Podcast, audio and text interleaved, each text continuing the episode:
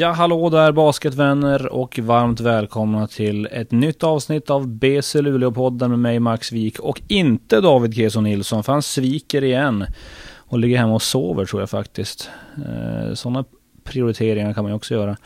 Eh, Men vi ska gå vidare raskt och fokusera på dagens gäst istället för David Keso Nilsson och det är Tom Lidén som sitter med oss i poddrummet idag. Välkommen! Tack så mycket. Är det ditt första poddframträdande? Ja, det är det. Jag har, eh, jag har aldrig varit med på någon podd tidigare, vad jag vet. Så det blir längre än vanligt. Har du, lyssnar du på poddar? Eh, nej, inte så mycket. Lite grann så här på resor att jag lyssnar på någon Rättegångspodden bland annat. Eller eh, ja, sådär. Något som hoppar på mig, men eh, inte så att jag är någon stark följare av poddar. De är intressanta de där eh, krimpoddarna, verkligen. Jo, precis. Framförallt de här Jag gillar Rättegångspoddarna, de är otroligt annorlunda. Några av dem är helt sjuka. Så det är kul. Här idag i Luleå idag, solen skiner, det är en miljard meter snö ungefär och, och ja, det är som det är. Hur trivs du i, i stan egentligen? Ja, men jag trivs ganska bra. Sådana här dagar är det kul att vara här. När, när solen skiner och det liksom glittrar i snön och sådär. Men det är inte alla dagar som är så. Det var ganska länge sedan vi såg solen överhuvudtaget. Så det kan ju bli mörkt och deppigt at times. Men just nu är det trevligt. Det är ju till och med importspelare som har lämnat bara på grund av det där för att det blir så mörkt man är inte van vid det. Så att för vissa är det nog en sjuk omställning. Ja, jag kan, jag kan verkligen tänka mig det. det. Det är tufft i perioder, helt klart. Men du har ju spelat i Sundsvall och där är det väl inte jätteljust heller? Nej, det är liknande förhållanden skulle jag säga. Så att det nog går att leva med, det gör det. Det känns som att du är en av de i laget som är bäst förberedd på kylan. Du har en bra mössa, du har bra skägg som värmer. Är det, är, är det så eller? Ja, efter, efter fyra år i Sundsvall så då har man lärt sig att, att eh, inte frysa, hur man gör för att undvika det. Bra skor, bra strumpor, bra mössa. Och så har man skägg slipper man halsduk, så det, det är skönt. Det är rutinerat. Vad gör du på fritiden i Luleå? Oh, jag gör inte så himla mycket just nu. I och med att jag jobbar lite på sidan så blir det, blir det att jag är där en hel del när vi, när vi inte tränar. Eh, men som fritidssyssla så har jag inte, har jag inte så mycket. Eh, läser lite, eh, liksom kollar serier, van, vanliga vardagssysslor liksom. Kan du berätta lite vad du arbetar med på sidan av basketen? Jag jobbar ju på, på Swedbank så det, är- det är egentligen mest kundservice, eh, ärenden, ta emot eh, och få göra ja, men det man gör som banktjänsteman. Liksom. Eh, och det har varit kul, lärorikt att få prova på lite nytt, en, en ny typ av arbete. Så att, eh, det, har varit, det har varit kul. Men har du en universitetsexamen i ekonomi eller? Ja, det har jag. Jag pluggade tre och ett halvt år kan man väl säga i, i Sundsvall. Och innan det läste jag lite kurser i, i värdepappershantering och sånt. Så att jag har ett intresse för ekonomi och framförallt kanske fin- finansiella marknader och, och sådär. Och hållit på en del med aktier och andra instrument. Så att eh, komma in på banken känns det som ett naturligt steg liksom. Om, om man ska se på framtiden sådär. Vad som kan hända efter basketen. Är du sån att du är planerad, strukturerad och liksom tänker på framtiden och så? Ja, det är jag absolut. Jag, jag gillar att ha, ha koll på saker och ting. Sen gillar jag att, eh, att liksom inte stå still och stampa så mycket utan jag, vill gärna ha någonting vid sidan av. Eh, I och med att det finns en del fritid eh, när man spelar. Det, dels är det mycket tid på resa och sen är det mycket tid mellan träningar och sådär. Så att, att försöka utvecklas eh, på något annat sätt. Alltså, med, om, det är, om det är skola eller om det är jobba eller någonting. Bara ge utvecklas som människa. Alltså få erfarenheter, få kunskaper. Jag tycker det, jag tycker det är roligt att känna att man kan någonting. Och så har du ett, eh, du lyssnar på country också. Det gör inte alla. Nej. Alltså, jag tycker det är en underskattad musikgenre. Det är duktiga musiker ofta. Eh, gitarrister. Ibland är det ganska coola texter. Sådär. Eh, så det, det tycker jag är kul. Men det är egentligen, jag vet inte om jag skulle säga att det är country mest som jag lyssnar på. Eh, det är mer åt folkhållet kanske. Eh, både äldre och eh, även nyare musik som typ First Aid Kit eller alltså sån, lite, lite folksig musik. Så det gillar jag. När eh, börjar du fatta tycke för den här typen av musik då? Så jag har alltid lyssnat på gammal musik. Eh, av någon anledning. Jag tror att det har ärvt det lite grann från min far som är musiker. Som höll på och turnerade mycket på 70-talet framförallt kanske. Och då lyssnade jag han, eller spelade till exempel tillsammans med Cornelis Vreeswijk och sådär. Eh, så den, där, via den vägen har jag väl kommit in på den här lite äldre musiken. Sen har det suttit kvar. Så har jag gillat det. Cornelis är ju magisk, eh, måste jag säga. Eh, men farsan musiker, spelar du själv spelar något instrument eller? Jag spelar gitarr lite grann sådär men jag är ingen, jag är ingen superhejare på, på att spela sådär. Men det, det är kul att kunna Jag har många, många vänner som spelar så det är kul att kunna vara med lite grann i alla fall när det tillfälle ges. Du kan riva av ett E-moll om det behövs. Mm, ja det kan jag. Klassiska shoreline-ackordet. Um, jag tänkte just fråga Nashville om du hade varit där, det är ju lite country. Men om det är folkmusik så kanske inte riktigt är det då? Eh, nej jag har inte varit i Nashville men eh, jag skulle gärna åka dit bara av eh, Liksom för att få vara där men eh, Kanske inte just för countrymusiken men för mycket annat Alltså USA är ett fantastiskt land, jag har varit där flera gånger På olika ställen både i Både i Kalifornien och på östkusten och eh, Alltså i Dallas och sådär Så att eh, eh, Jag gillar USA och har varit där mycket och kulturen är Det finns, det finns mycket att uppleva liksom Eh, men just Nashville har jag inte varit. Men kanske någon gång i livet, vem vet. Om du ska ge oss något tips då på några musiker som vi ska kolla upp som inte folk kanske känner till. Du som har, har det här specialintresset. Då. Oh, alltså svårt. Uh, jag, jag, kan, jag kan nog inte ge dig på rak arm någon sån här artist som jag tycker är superbra. Alltså om man tänker i folkgenren så är Simon Garfunkel är, det är de som är bäst. Liksom. Och det är de som jag kanske lyssnar mest på. Ehm, och sen, och som sagt, First Aid Kit är ju grymma.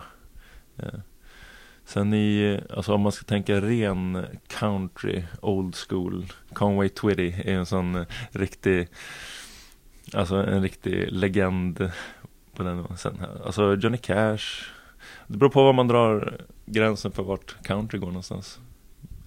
Men det är några av de stora liksom och det är väl de jag lyssnar på mest. Jag är, jag är inte liksom indie country sådär så att jag lyssnar på massa obskyr musik. Men har du, är det så att du har massa vinylskivor och sådär liksom? Är du på det sättet intresserad också eller? Nej, inte alls. Inte alls på det sättet. Det är där jag kör på Spotify. Det funkar alldeles utmärkt. Um, vi tänkte backa bandet, eller vi, jag den här gången ska vi säga. Eh, och snacka lite om hur det gick till när du började spela basket. För det var ju Södertälje va? Kan du berätta lite hur, hur gick det till? Eh, alltså jag började på skolgården när jag var väl typ i mellanstadieåldern. Eh, då hade jag, jag och en kompis som, som alltid var och sköt liksom på rasterna och sådär. Och innan det så fanns det ingen organiserad basket vad jag vill minnas.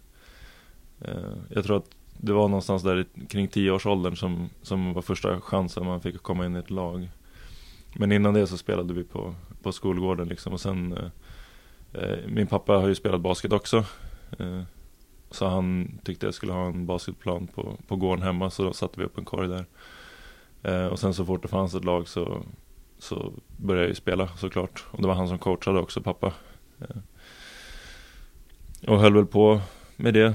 Och i Södertälje så ganska så tidigt så går man ju över till de här All-star verksamheten. Så att de, från stadsdelslagen, ungefär som de har här, att de har en massa.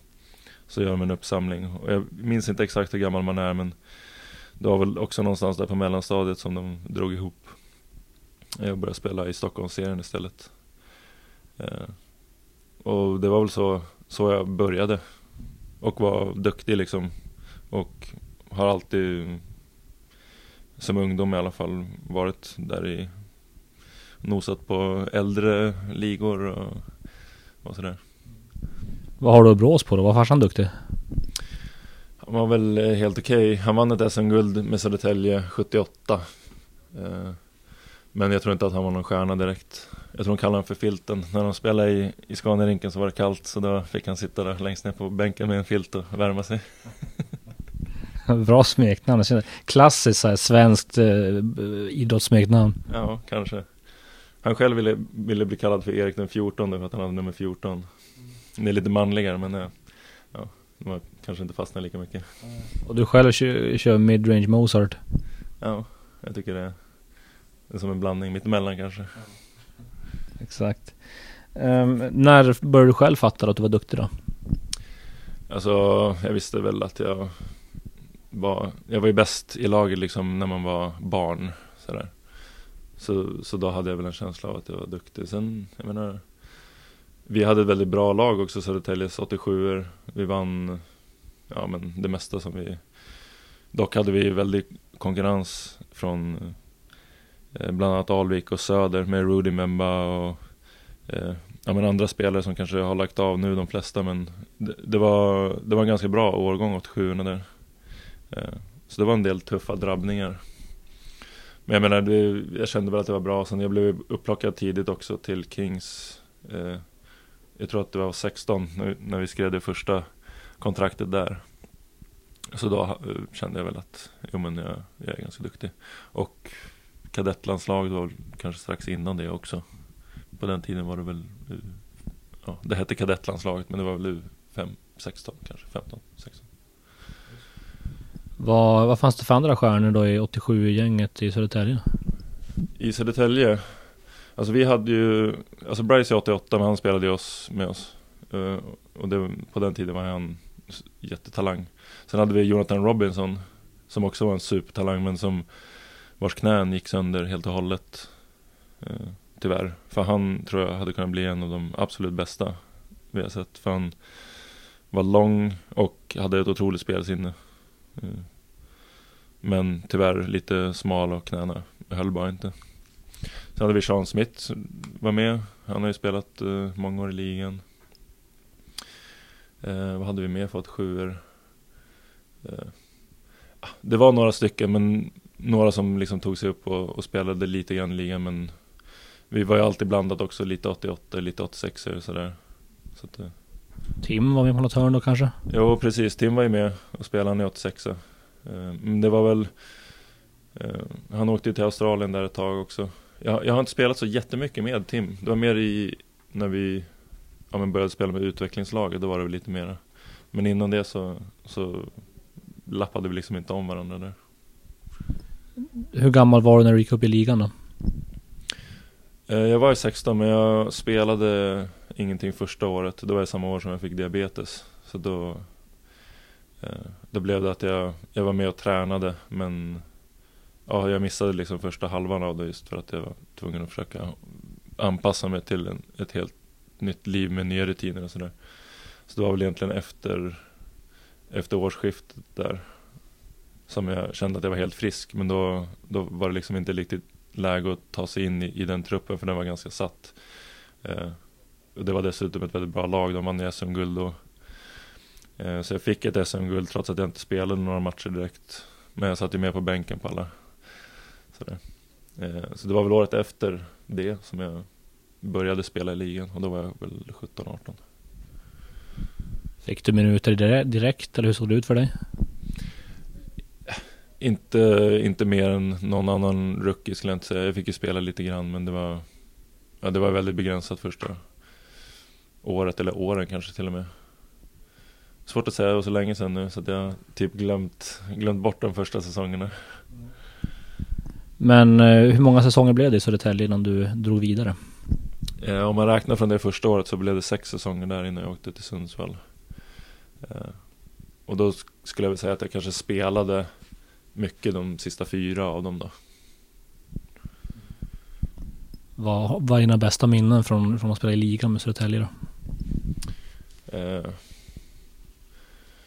Ja, bästa minnen därifrån. Alltså, många av de spelarna som jag spelade med spelade ju många år tillsammans. Eh, så de, eh, alltså relationerna har man ju fortfarande. Bland annat med Johan Jansson eller eh, Rickard Eriksson. Alltså, det var flera av dem som, som var lite äldre som tog hand om en som rookie. Och de har jag fortfarande kontakt med. Vi spelade många år tillsammans. Och sen blev det Sundsvall. Hur gick det till när du hamnade där? Eh, jag eh, ville börja plugga då, så det var väl en av ställena som jag sökte program på, på Mittuniversitetet där. Eh, och sen så jag har jag haft Pet eller hade haft Peter med eh, något ungdomslandslag innan så att kände honom lite grann. Så jag tog kontakten med honom och, och frågade om det fanns någon möjlighet liksom att komma dit och, och göra någon variant där jag kunde både spela och, eh, och plugga. Och så löste det sig på ett ganska bra sätt. Och hur var det då, den flytten? Hur, hur, hur var det för dig personligen? Eh, det var, det var roligt, det var en, lite av en nytändning liksom och eh, ja men roligt för att, för att få göra någonting annat också vid sidan om. Det blev mer en komplett, eh, kom, kompletta dagar med, med både plugg och, och basket. Sådär. Eh, så det blev annorlunda men det var, det var kul. Jag, jag sa också när jag kom dit att jag ville komma dit för att jag ville spela med ett lag som som skulle vinna, liksom, eller som hade möjlighet att vinna. För just då var Södertälje inte något vidare bra. Um, så då sa jag det, jag vill komma till Sundsvall, jag vill vinna ett SM-guld liksom, och, och påbörja studierna och sådär. Eh, och sen trivdes jag väldigt bra, så då blev det att jag blev kvar mm, fyra år. Hur var din roll där när du kom direkt från, från Södertälje till Sundsvall? När jag kom dit så de tog väl dit mig som fortfarande ung talang för jag var, vad, vad kan jag ha varit? Ja, 22 kanske, 2022. Um, ehm, så de tog väl dit mig som talang. Jag fick inte spela så jättemycket första åren. Men då, alltså det var ju mycket konkurrens igen. Så jag, första året i den klubben var med ett jättebra lag som vann SM-guld. Uh, så jag vet inte hur mycket jag spelade men det var begränsat. Uh, men jag växte ju också i i rollen där och fick mer och mer eh, speltid och förtroende. Så att när jag åkte därifrån så, så var jag ju verkligen en etablerad spelare och en av i startfemman liksom och, och allt sånt där. Men du fick vinna SM-guld första året med Sundsvall alltså? Ja, precis. Det var första. Vad minns du av, av, eh, av hela den resan? Eh, eh det var det var grymt. Alltså det, det SM-guldet var jättekul att vinna. Eh, laget var jättebra. Alltså vi hade Liam Rush, Alex Westby, vi hade Neil Mottram, vi hade Lyner och Jakob. Eh, så det var, det var väldigt bra spelare med. Eh, och jag tror att jag, alltså blev, jag blev en mycket bättre spelare under, under de åren på grund av att vi hade de här förebilderna, veteranerna i laget. Eh, men sen också, jag minns finalserien, för den var helt fantastisk egentligen. Gick till sju matcher och Game 6 vann vi på bassen. Jakob sätter den i princip från halvplan. För att tvinga fram en sjunde match och sen vinna den på hemmaplan liksom i en helt överfull arena. Det var, alltså, de hade fyllt den till absolut sista kvadratmeter. Eh, så det var, det var maffigt faktiskt att, att vinna där. Hallen kokade. Och, ja, men jag tror vi vann med 20-30 poäng den sista för att de musten hade gått ur dem helt och hållet när vi, när vi lyckades sno den där sjätte matchen. De var inställda på att få fira SM-guld och sen ja, ryckte vi mattan för dem. Vilka var det ni mötte? Eh, Norrköping med Anton Sax. Just det. Så det känns, det känns väldigt bra att ha den på han just nu. Det förstår jag. De hade också ett ganska bra lag där. De hade jättebra lag. Eh, det var väl på den tiden när Fred Rains var i sin prime och ja, men Kjellbom några år yngre. Eh, ja, de, hade, de hade massor med spelare. Eh, jag minns inte ens alla, men de, de, hade ett, de hade ett grymt lag. När började du känna att du fick liksom en, en större roll i Sundsvall? kan det ha varit tredje året? Då missade jag Eh, början av säsongen på grund av att jag var eh, skadad. Jag fick en, en konstig muskelbristning i magen som gjorde att jag blev borta länge. Liksom.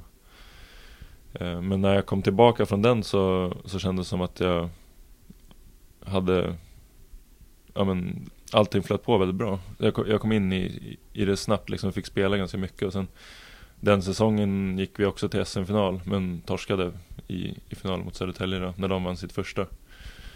Eh, men då, då kände jag redan att, att jag liksom hade växt, växt in och blivit äldre kanske och mer eh, rutinerad så att jag, jag fick spela mycket och, och tog för mig mer när jag spelade. Eh, så då kände jag mig som en, ja, men som en, som en viktig del i laget, mer än en, än en rollspelare kanske. Den här muskelbristen i magen, eh, jag vill minnas att eh, ja, du var borta som du sa och sen fick du börja och spela med division 1-laget lite grann va? Visst var det så? Ja, jag hade några, någon eller ett par matcher där med, med division 1 Men det var mer för att ja, men, se ifall det funkar i matchsammanhang innan, innan jag gick på och började köra fullt ut i, i ligan Men det var, ja som sagt det var typ två matcher Hur länge var du borta på grund av skadan då?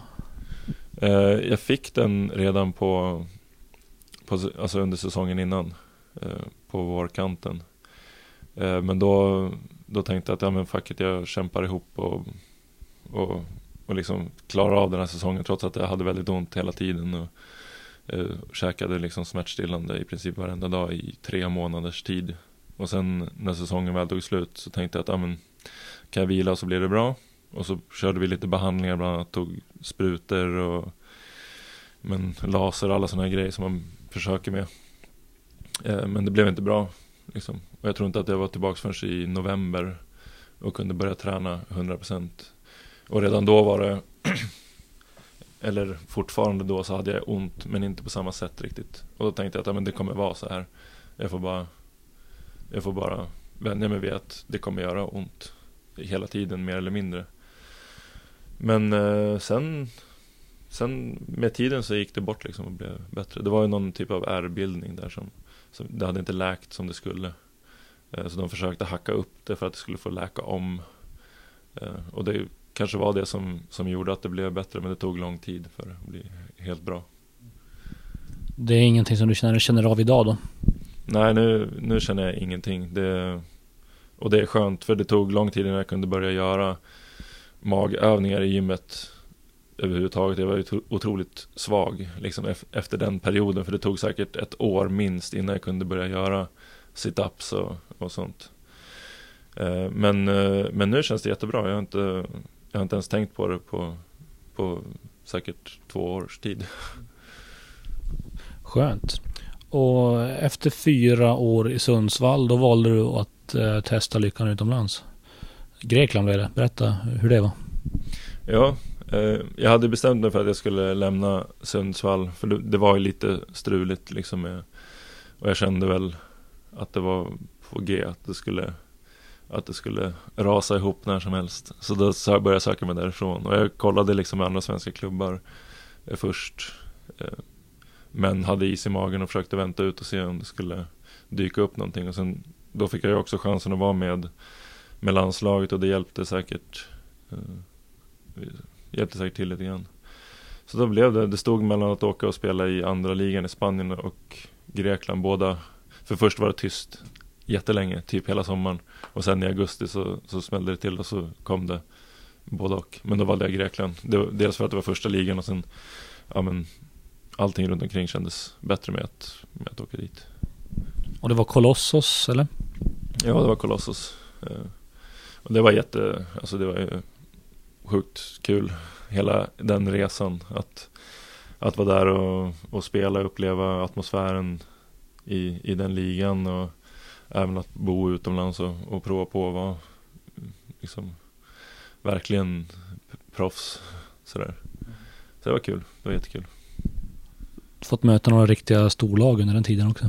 Ja, det är ju Panathinaikos och Olympiakos som är de absolut största. Eh, jag tror att Olympiakos vann, eh, vann väl Euroleague ett av åren när jag var där. Eh, så det var ju häftigt att få spela mot, mot dem. Med Spanolis och liksom Printesis och de här. En del otroligt duktiga spelare. Men även, alltså det är inte bara de som är bra. Det finns ju massor med bra lag. Thessaloniki till exempel med, med Aris och Pauk och eh, Folk kanske inte känner till alla men det är klubbar som har varit storklubbar eller är liksom på en hög nivå i Europa även om det inte är Euroleague. Så det, det, var, det var häftigt liksom och, och, och kul att se att skillnaden var kanske inte så stor som man tror som ungdom i Sverige. Att man tittar på Euroleague eller man tittar på på liksom de här, de här spelen och tycker att det är ouppnåeligt. Men Alltså det är fortfarande människor och det är fortfarande basketspelare. Vi gör samma sak. De kanske är aningen bättre men jag menar så stor är inte skillnaden. Har du någon eh, minne från att du har snurrat upp Spanolis på läktaren och sånt där? Nej, inte Spanolis kanske. Eh, men eh, jag hade, jag spel, vi spelade mot eh, Panathinaikos i slutspelet och vann en match. Och det var kul faktiskt, för då, då mötte vi, eh, ja vad hade de för centra? Hade de, eh, eh, vad heter den, eh, Radulica då? Den riktiga bjässen. Så honom fick jag spela mot och gjorde 12 poäng. Då, det tyckte jag, det var, det var en highlight för mig. Ja, det förstår jag. Hur är det att spela i de där hallarna? För det kan bli rätt bra tryck va? Ja, det kan det bli. Ofta så kommer de inte för att titta på en match mot Colossus liksom. Men eh, vissa matcher var det absolut. Det var jättebra tryck. Och, eh, men det kan också bli lite öde när det, när det är en arena som tar kanske 10-12 tusen pers och sen så kommer det bara fem. Ja, då ser det ganska tomt ut även fast det är mycket folk. Eh, då var det häftigare nästan att spela i de här lite mindre, eh, typ när vi spelade i kuppen så mötte vi eh, Pauk som är, ja men, jätt, historiskt sett jättestort lag liksom. Eller om det var Ike kanske, Ike var det nog. Och eh, de kunde inte spela i sin normala arena som tar 7-8 tusen utan vi fick spela i en, en liten hall för att de höll på att renovera eller vad det nu var. Så då hade de ju packat den till bredden liksom och helt galna fans, alla svartklädda, bara män i publiken. Och de liksom, ja men slänger vatten på spelarna på plan och spottar och skriker och allt sånt där. Så det var, och det var en av de första upplevelserna jag hade också. Eh, Cupmatcherna som var innan säsongen drog igång. Så det var, det var häftigt men lite läskigt liksom. Man vet inte hur bra är säkerheten här egentligen. En ganska tvärt kast från den eh, hyfsat snälla svenska publiken. Jo, jo de, är, de är ganska snälla här i Sverige. Det är de. Du blev kvar där i, i två säsonger. Hur var livet utanför basketen där då? Eh, det var bra. Alltså Rhodos är trevligt nästan hela året. Eh, och det bor dessutom en hel del svenskar där så vi, vi träffade eh, jag och tjejen då som, som bodde då. Eh, vi träffade massa svenska människor som vi hade ett socialt umgänge med. Och sen bara att kunna gå till stranden så här i november, det är jättetrevligt. Det var man inte bortskämd med. Nej, nej det, det saknar man lite grann, det kan jag säga. När det gäller den ekonomiska biten då, för att eh, Grekland är ju ett land som har lite svajig ekonomi och sådana bitar. Hade du problem med sånt och få ut löner och de, de bitarna? Eh, det var ganska bra ändå. Eh, jag var väl inte där vid rätt, alltså det fanns ju hur mycket pengar som helst i Grekland för, för ett antal år sedan och det, det är inte riktigt samma nivå längre. Eh, men jag fick i alla fall mina pengar så det, det är jag glad för.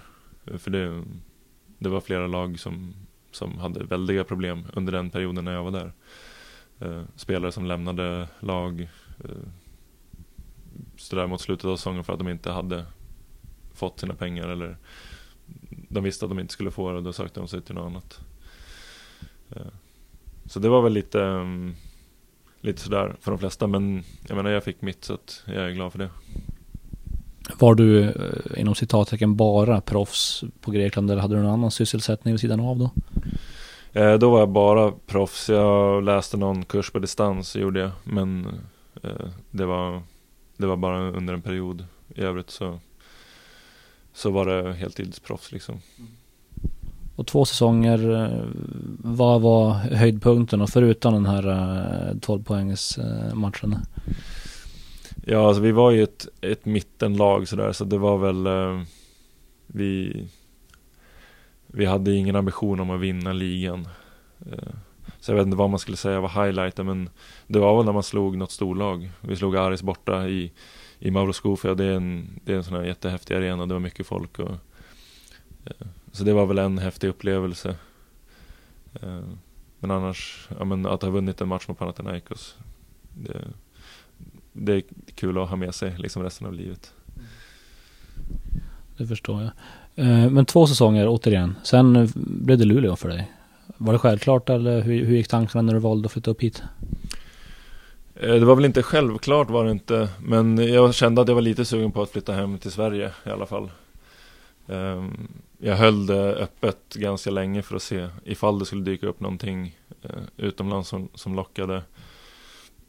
Och det hade väl kunnat bli kanske ett år till i Grekland fast i någon annan klubb men eh, Det var ett av de här lagen som, som hade lite dåligt rykte om sig att betala. Och just för att det ofta var Även om jag fick pengarna så fick man det sent.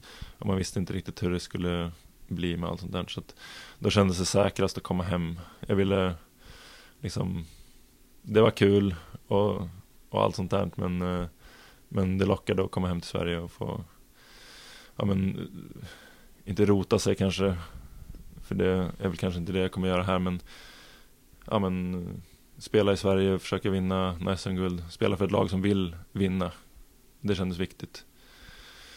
Eh, och det stod väl egentligen mellan att komma hit eller åka till Borås eh, Och jag pratade med båda och sen till slut så blev det Blev det Luleå.